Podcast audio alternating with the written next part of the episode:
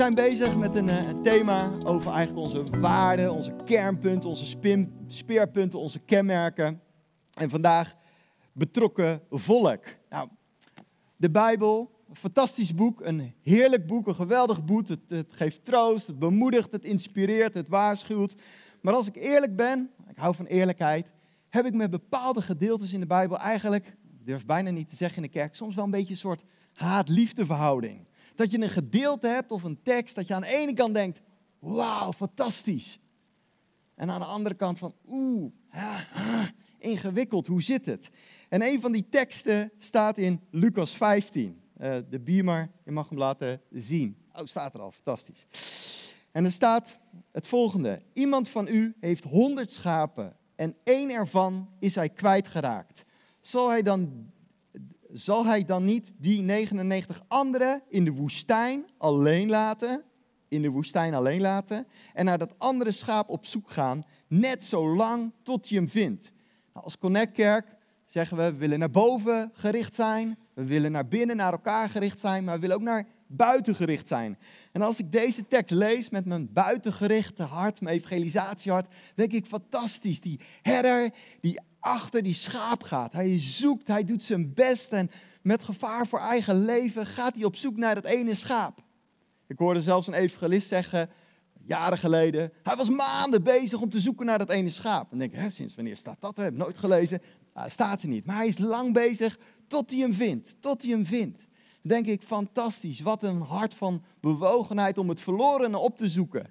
Aan de andere kant, dan is dan dat, dat binnengerichte hart van mij denk ik van ja, hij liet wel die 99 achter. En er staat, hij liet ze alleen achter. En in, het, in de context staat in het eremos. Dat betekent woestijn, in de wildernis. In de plek van distels en, en ellende.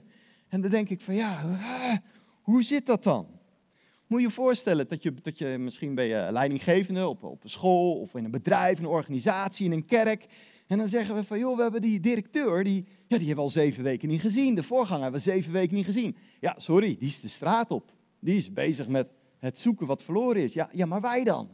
Nou, dit gedeelte, ja, het schuurt. Maar op een gegeven moment zat ik te, te denken, die 99, die hadden even niet meer de herder. Die hadden ze wel heel lang gehad, gelukkig. Maar ze hadden elkaar. En misschien, het is natuurlijk een gelijkenis, wist die wist die herder dat wel. Die 99, die zijn niet alleen, die hebben elkaar. En er zijn ook oudere schapen, die kennen de herder, die weten waar je een beetje voor uit moet kijken en die wisten ook waar de goede plekken zijn. En misschien had die herder, natuurlijk is een gelijkenis en ik speculeer een beetje, vergeef mij, zoiets van, het komt goed. Want ze zorgen voor elkaar. En er zijn ook oudere schapen en die weten hoe je moet gedragen en wat de goede kant is. En die zorgen ook voor de rest. Ze hebben elkaar fantastisch. En dat die herder zoiets had, ik kan wel even weg, want er is een groep die naar elkaar omkijkt. Fantastisch. Nou, als Connectkerk willen we een betrokken groep zijn. Een betrokken groep. En hoe ziet dat er praktisch uit? Nou, onze dienst begint eigenlijk niet om half elf. Het begint om tien uur. En ik heb toestemming, denk ik, van het koffieteam om, te, om een geheim te verklappen. Dat de koffie om tien uur eigenlijk veel lekkerder is dan die om vijf voor half elf. Dus ik wil jullie echt aanmoedigen. Ik wil jullie echt aanmoedigen.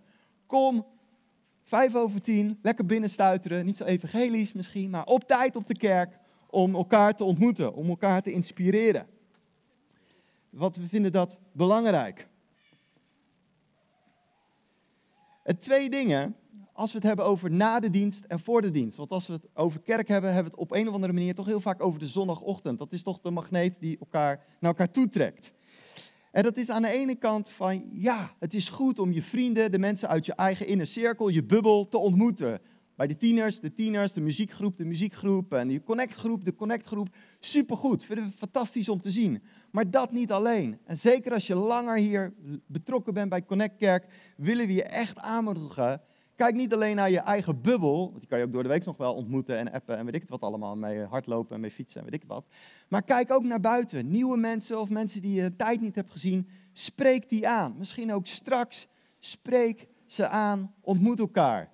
En als je twee, drie weken hier komt en je hebt nog nooit iemand gesproken de laatste tijd die nieuw is, ja, dan doe je eigenlijk even iets niet goed. Want het is heel belangrijk om mensen aan te spreken. Dus spreek straks nieuwe mensen aan. Geef mij maar de schuld van hey, ik moet een praatje maken, moest van koers, wildvreemde. Maar belangrijk, zodat ook de mensen die misschien maar een paar maanden komen het gevoel hebben van we doen het samen.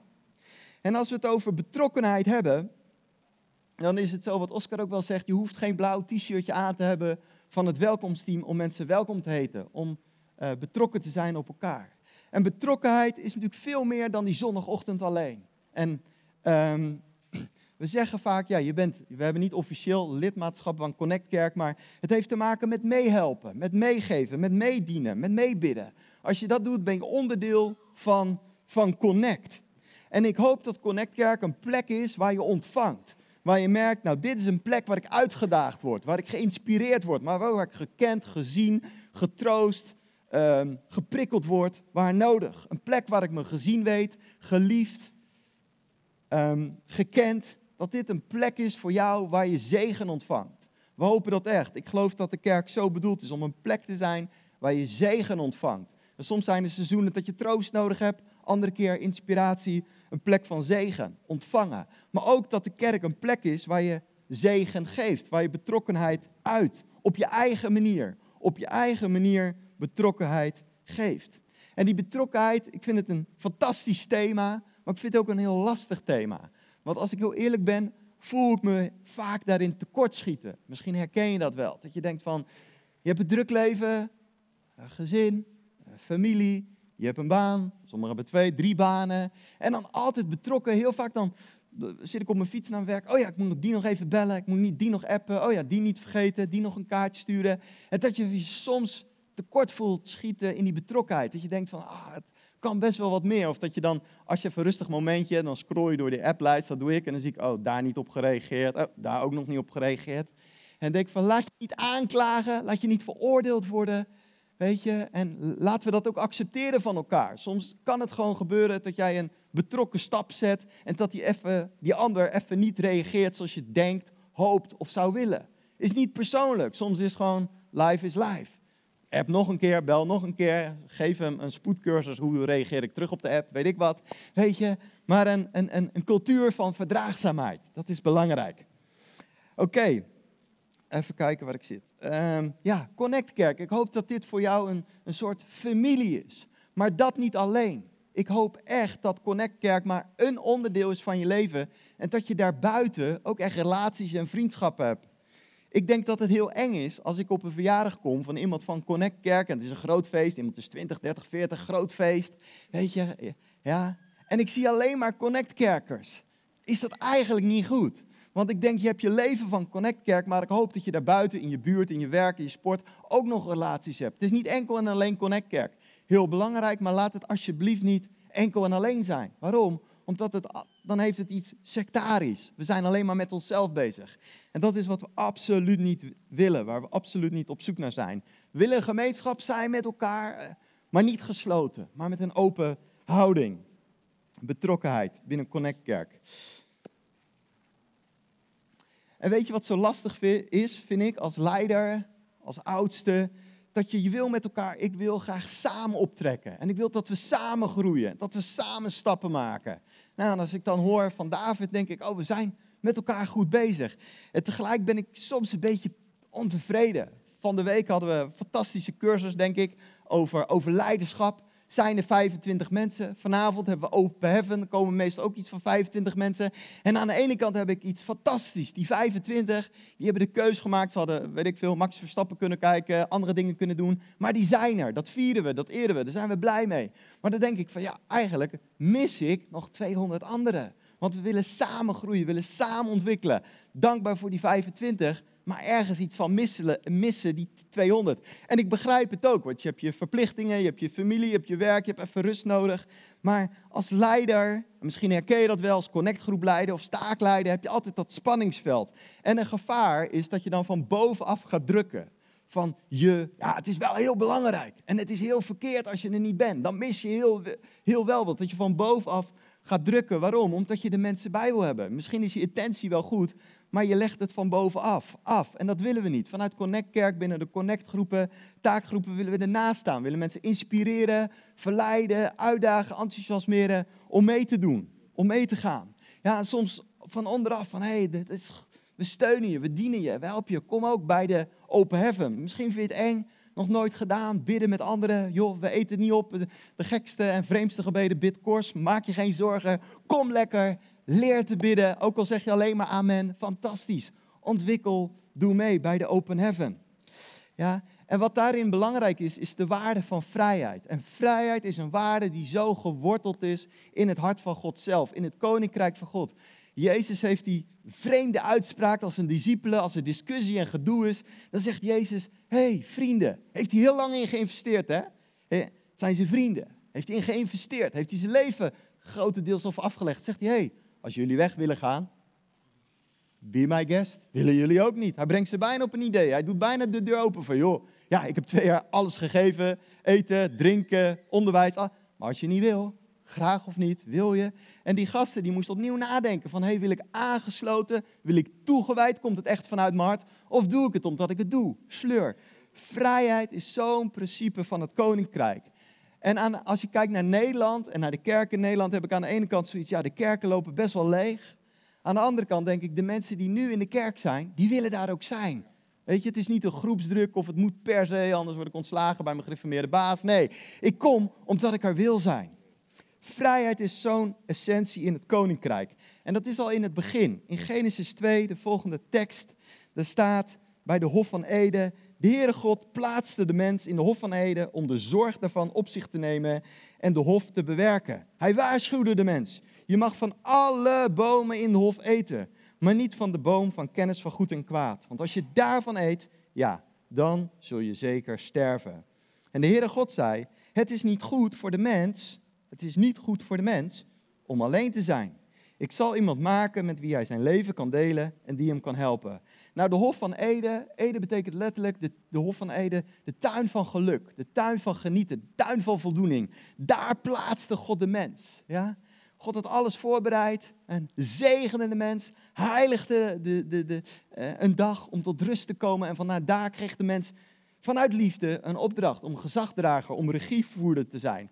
Maar God plaatste die mens met, met, met, met in, die, in, die, in die hof allerlei bomen. Nou, ik weet niet of er tien waren of duizenden. Heel veel bomen. Dat zie ik zo voor me met allemaal fruit, met allemaal lekkere dingen. Allemaal geweldige dingen die we nu niet meer hebben. Want door de zonneval is heel veel dingen verloren gaan. Ik stel me zo voor dat er een boom was met gewoon van die grote chocoladerepen die zo op kon plakken. Weet je, fantastische dingen. Chocoladetaart. Weet je, allemaal bomen met van alles en nog wat.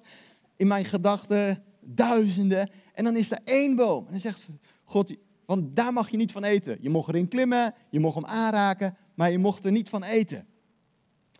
En weet je, waarom wil God dat? Omdat hij geen robots wil. Hij wil geen robots. Vrijwillige liefde. Liefhebbers die vanuit liefde met hem omgaan. En hij, wat ik zo apart vind, als ik daar zo over nadenk, die boom, die was vrij toegankelijk. Die was vrij toegankelijk. Ik weet niet of jullie daarover nagedacht hebben. Maar ik vind het aan de ene kant heel mooi dat God zegt van nou, ik geef die boom voor keuzevrijheid. Maar ergens, als ik, als ik God was, dan zou ik iets van een, als je die boom hebt, dan zou ik daar heel veel water omheen leggen. Zodat het echt heel moeilijk was voor die mensen om, daarbij, om bij die verboden boom te komen. Of heel veel vuur, dat het echt eh, met gevaar voor eigen leven die verboden vrucht. Of ik zou een paar van die wachttoren met van die engelen, die dan als je zodra Adam en Eva daarheen gingen lopen, zo'n grote engel die dan zo een beetje boos kijkt, een soort, weet ik veel, waterpistool van, dacht het niet hè. Zodat je, maar bij die, dat, je, dat, je, dat je het maar niet fout doet. Ja, beetje zo. Dat je aan de ene kant die vrijheid, maar aan de andere kant, oh nee, niet echte vrijheid. Namaak vrijheid. Maar nee, God die, geen barrières, geen muren, geen engelen met waterpistolen, gewoon ruimte. Van, oh, wil je het niet, dan kan het. Ook geen touwtje. Als ik God was, denk ik van, waarom heb je niet zo'n soort navelstreng? Er liep Adam, die liep daarheen en uh, bijna bij die vrucht, weet je, terug, terug. Nee, ruimte, vrijheid. Geen addertje, uh, onder het gras. En we weten, Adam en Eva, die op een aten ze van de appel. En nu zitten wij met z'n allen met gebakken peren. We weten dat. En er was een keertje een kind die vroeg bij het kinderwerk aan mij van... Maar hoeveel dagen ging het wel goed? Wat fantastisch. Ja? En dan ik moest gelijk denken aan, misschien ken je dat wel, zo'n filmpje dat zo'n kind in zo'n ruimte zit met van zo'n snoeppot. En uh, zegt zo'n uh, leraar of zo'n mannetje, die zegt dan van je mag niet eten, hè? mag niet eten. Als je dat niet doet, en dan kom ik over een half uur terug en dan mag je ze allemaal opeten. Dus je ziet helemaal uit, het kind helemaal zo heel met zijn eh, handen op zijn, op zijn eh, op zijn billen zitten. Ik weet niet hoeveel dagen het goed ging met Adam en Eva. Misschien waren ze eerst helemaal in de gloria, letterlijk. Maar op een gegeven moment ging het dus mis. Maar wat leert mij dit verhaal? Dat God ruimte geeft voor betrokkenheid, voor een liefdesrelatie. En een, een verhaal wat ik al vaker verteld heb, maar ik vind het zo mooi. Ehm, er, er, was een man en een vrouw in Amerika die trouwden. Nou, is niet zo bijzonder. Maar na een paar weken kwam die man die kwam met een lijst aan die vrouw. Een scorelijst van een goede vrouw moet hier en hier aan voldoen. En dit en dat en zus en zo en dit. Bladzijde om, dit is eh, wat een goede vrouw hoort te doen. En dit en dit en dit. En elke week nam die man dat door met zijn scorelijstje. Ja, ja, dit heb je gedaan, nou dit niet, onvoldoende, slecht, verkeerd, bla bla. Nou, het is niet verbazend dat die vrouw vol spanning, vol angst, vol paniek, ongelukkig was in dat huwelijk. Want dat zwaard, die wet, die kwam bovenop haar. En op een gegeven moment gescheiden. Jaren later vindt ze een nieuwe uh, man, fantastisch, geweldig. En uh, uh, uiteindelijk gaan zij ook trouwen. En op een dag komt ze, terwijl ze de zolder aan het opruimen is, komt ze dat oude lijstje weer tegen uit een oud doosje. En ze neemt het mee naar haar nieuwe partner. En zegt, kijk, dit, dit was dat verschrikkelijke scoringslijstje. En die man die reageert heel ontspannen met een glimlach. Nou, zullen we eens even kijken hoe je het nu doet dan? Zij helemaal schrikken en bang van, oh nee, daar gaan we weer. En hij zegt, hey, dit doe je. Die heb ik over nooit over nagedacht, maar dit doe je ook. En dit, en dit doe je hartstikke goed. hey, dit heb ik je nooit hoeven zeggen en dat doe je. Dikke, dikke voldoende. En wat mooi is, die man die gaf liefde, aandacht, erkenning en waardering. En het gevraagde, gewenste, het goede gedrag kwam vanzelf. Niet vanuit wet, maar vanuit liefde. En ik denk vanuit intimiteit groeit wat God van ons vraagt. Fantastisch. Volgende tekst. Efeze 2, fantastische tekst. Dankzij Hem hebben wij alle door één geest toegang tot de Vader. Zo bent u dus geen vreemdelingen meer of gasten meer, maar burgers, net als de heiligen en huisgenoten van God. Gebouwd op het fundament van de apostelen en de profeten, met Christus Jezus zelf als de hoeksteen. Jezus zelf als de hoeksteen. En vanuit Hem groeit het hele gebouw, steen voor steen, uit tot een tempel die gewijd, die gewijd is aan Hem, de Heer, met wie ook samen opgebouwd wordt tot een plaats waar God woont door zijn Heilige Geest. Fantastisch, door Jezus hebben wij toegang in één geest, de Heilige Geest, tot de Hemelse Vader.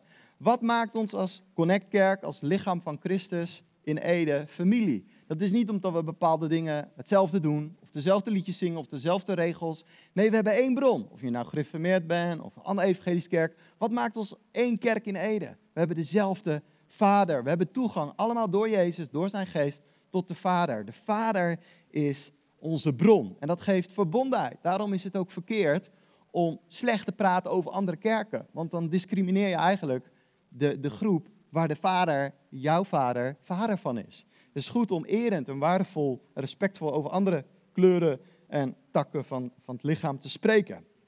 Kijk, en als je het hebt over betrokkenheid, dan is het aan de ene kant een doel. Maar het is ook een middel. Het is een middel tot. En hier staat dat, gewijd aan Hem. Er is een betrokkenheid bij elkaar in die gemeente. Waarom?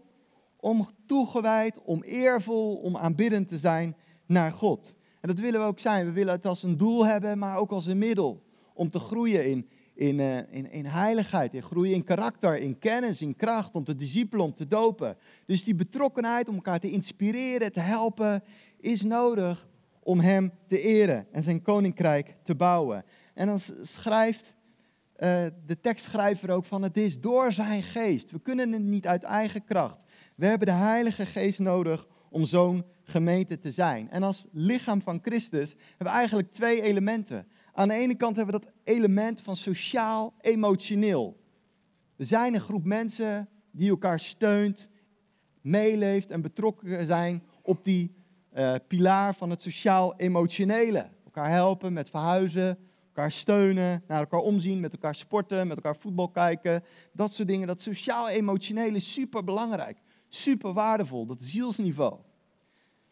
aan de andere kant zijn we ook een geestelijke gemeente, waar de Heilige Geest woont. Als gemeente vind ik het zo mooi dat we mogen geleid worden door de Heilige Geest. Dat de Heilige Geest tot je zegt van, hé, hey, breng die persoon een bosje bloemen. Of bel die persoon eens op. Of hé, hey, als je zondag naar de kerk gaat, spreek die eens aan. Of dat het aanbiddingsteam of het kinderwerk hebt van, hé, hey, vandaag heb ik echt op mijn hart, zo'n evangelische term, het idee van, om vandaag het zus en zus te doen. Of dat en dat te lied te zingen. Of die in die tekst en dat het raakt. En dat vind ik zo mooi, omdat het niet een alleen een sociaal-emotioneel huis is wat we hebben. We hebben een geestelijk huis waar de Heilige Geest inspireert, waar de Heilige Geest je drijft. En ik hoop dat je ook zo in de gemeente staat van, Heilige Geest, wat kan ik vandaag brengen? Wat kan ik, hoe wilt u me vandaag leiden deze week? Hoe kan ik tot zegen zijn? Fantastisch, de Heilige Geest. En een belangrijk instrument vind ik zelf daarin de connectgroepen. Wel vaker benoemd dat je één keer in de twee weken een connectgroep hebt waar je echt gefocust bent van ja, nu komen we, natuurlijk dat ziels, met elkaar kletsen, praten, hoe was je week, hoe gaat het op werk, kinderen, maar ook heel bewust de Bijbel in, de Bijbel open, elkaar inspireren, getuigenissen, voor elkaar bidden, profiteren, dat soort dingen. Echt heel bewust een geestelijke community zijn, waar de scherpe vragen worden gesteld, waar je uitgedaagd wordt, waar je net een laagje dieper gaat dan denk ik een zondagochtend. Zo belangrijk de connectgroep denk ik van als er één plek is waar betrokkenheid hoort te zijn, dan is het daar. Laatste tekst alweer. Dat gaat uh, over de onderlinge liefde. En er staat: Over de onderlinge liefde hoeven wij u niets te schrijven. Want u hebt het zelf van God geleerd hoe u in liefde met elkaar moet omgaan. Het, dit is een gemeente in Thessalonicense. Wat fantastisch als dit over je gezegd wordt. Als ik leider was van die gemeente, nou, ik zou deze tekst van Paulus uitprinten met zijn fotootje erbij en ophangen. Kijk, dit is wat apostel Paulus over onze gemeente zegt. Over de onderlinge liefde hoeven we u niets te schrijven. Waarom? Je hebt het zelf van God geleerd. Ze zijn niet naar een cursus gegaan, ze hebben geen weekend bijbelstudie, nee. Ze hebben zelf van God geleerd, de gasten in Thessalonicense, hoe het is in naaste liefde. Ze hebben daarin denk ik fouten gemaakt, zijn mensen vergeten, zijn mensen teleurgesteld, maar uiteindelijk hebben ze zich ontwikkeld tot een groep mensen waar Paulus van zegt, joh, over die onderlinge liefde. Daar hoeven we niks te zeggen. Ik hoef niks te corrigeren, te vermanen of aan te moedigen, want het is in jullie midden. En Paulus die was scherp hè, in andere brieven van vergeet de liefde niet, vergeet de armen niet, kijk naar elkaar om. Maar deze, deze groep zegt hij, jullie hebben het zelf van God geleerd. Ze waren in de eerste plaats God gericht en daaruit mensgericht. Fantastisch. En denk, dat is wat we willen met elkaar. Die onderlinge liefde is een getuigenis van, van Jezus. Jezus zegt, hoe zullen jullie bekend zijn? Hoe zullen jullie getuigen? Door die onderlinge liefde. Door die onderlinge liefde. Is dat altijd makkelijk? Nee, het kost soms verlogening. Soms is het kiezen van, hey, zal ik even een half uurtje ontspannen? Of zal ik toch die persoon in nood bezoeken of bellen of dit of dat? Maar het is zo'n getuigenis. Laatste verhaaltje, heb ik ook jaren geleden wel eens verteld, maar het is leuk met nieuwe mensen. Dan kan je gewoon je oude verhaaltje uit je oude doos halen. Er was een, uh, was, uh, was getuigenis van een andere gemeente in Ede. Uh, echt een heel mooi getuigenis. En er was een vrouw, die was helaas, was jong en was ernstig ziek. En ging naar een ziekenhuis in Utrecht of Nijmegen. Maar in die gemeente werd er enorm meegeleefd. Elke dag stapelkaartjes, mensen kwamen langs bossen bloemen, chocola, dingen. Elke dag werd er vanuit die gemeente enorm meegeleefd. Week in, week uit. En een paar van die verpleegkundigen en van die artsen, die hadden zoiets wat is hier aan de hand? Heb je een hele grote familie? Of uh, zit je bij een hele enthousiaste sportclub of studentenvereniging? Anderen zeiden, ik weet zeker dat ze in een flat woont en voorzitter is van de flatcommissie. Kan niet anders. Zoveel mensen. En uiteindelijk werd er gevraagd van, joh, wordt er zoveel betrokkenheid. Mensen komen langs, mensen luisteren, kaartjes, bloemen. Wat is de club waar je bij hoort? En toen zei ze, ja, ik ben betrokken bij een gemeente. En die wonen allemaal in Ede, ze leven mee, ze zijn betrokken. En dat zette die mensen zo aan denken dat een aantal van die artsen en die verpleegkundigen, die gingen meer vragen stellen en die hebben zich uiteindelijk opgegeven voor een alfa-cursus. Fantastisch. Wat een getuigenis door de ellende en de pijn heen. Een getuigenis ter ere van God. Dan denk ik van laten we elkaar aanmoedigen, enthousiasmeren om zo te zijn. Ik, ben ik had in de voorbereiding, dan is het heel verleidelijk. Denk je altijd over een oproep. En ik dacht, ik kan een oproep doen van... Als je nog niet betrokken genoeg bent, laat voor je bidden. Kan, is goed. Of van wanneer je het lastig vindt, vanuit oude wonden en teleurstellingen. Laat voor je bidden. Maar ik had echt zoiets, nee, God wil een zegen geven. God wil een zegen geven op die onderlinge betrokkenheid.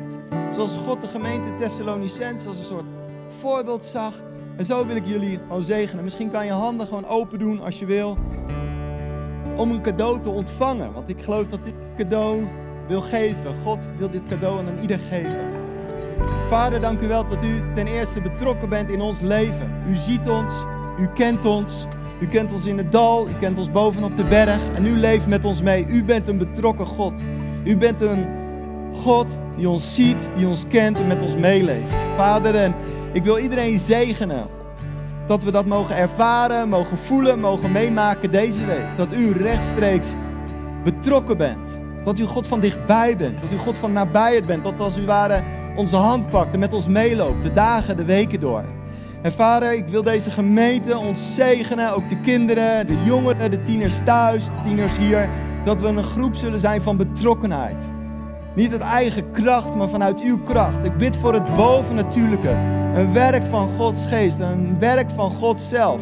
Wat we zelf niet kunnen bedenken, niet kunnen opwerken. Wat we niet uit onze tenen kunnen halen. Maar Heilige Geest, werk krachtig in ons. Meer en meer om betrokken te zijn op het juiste moment.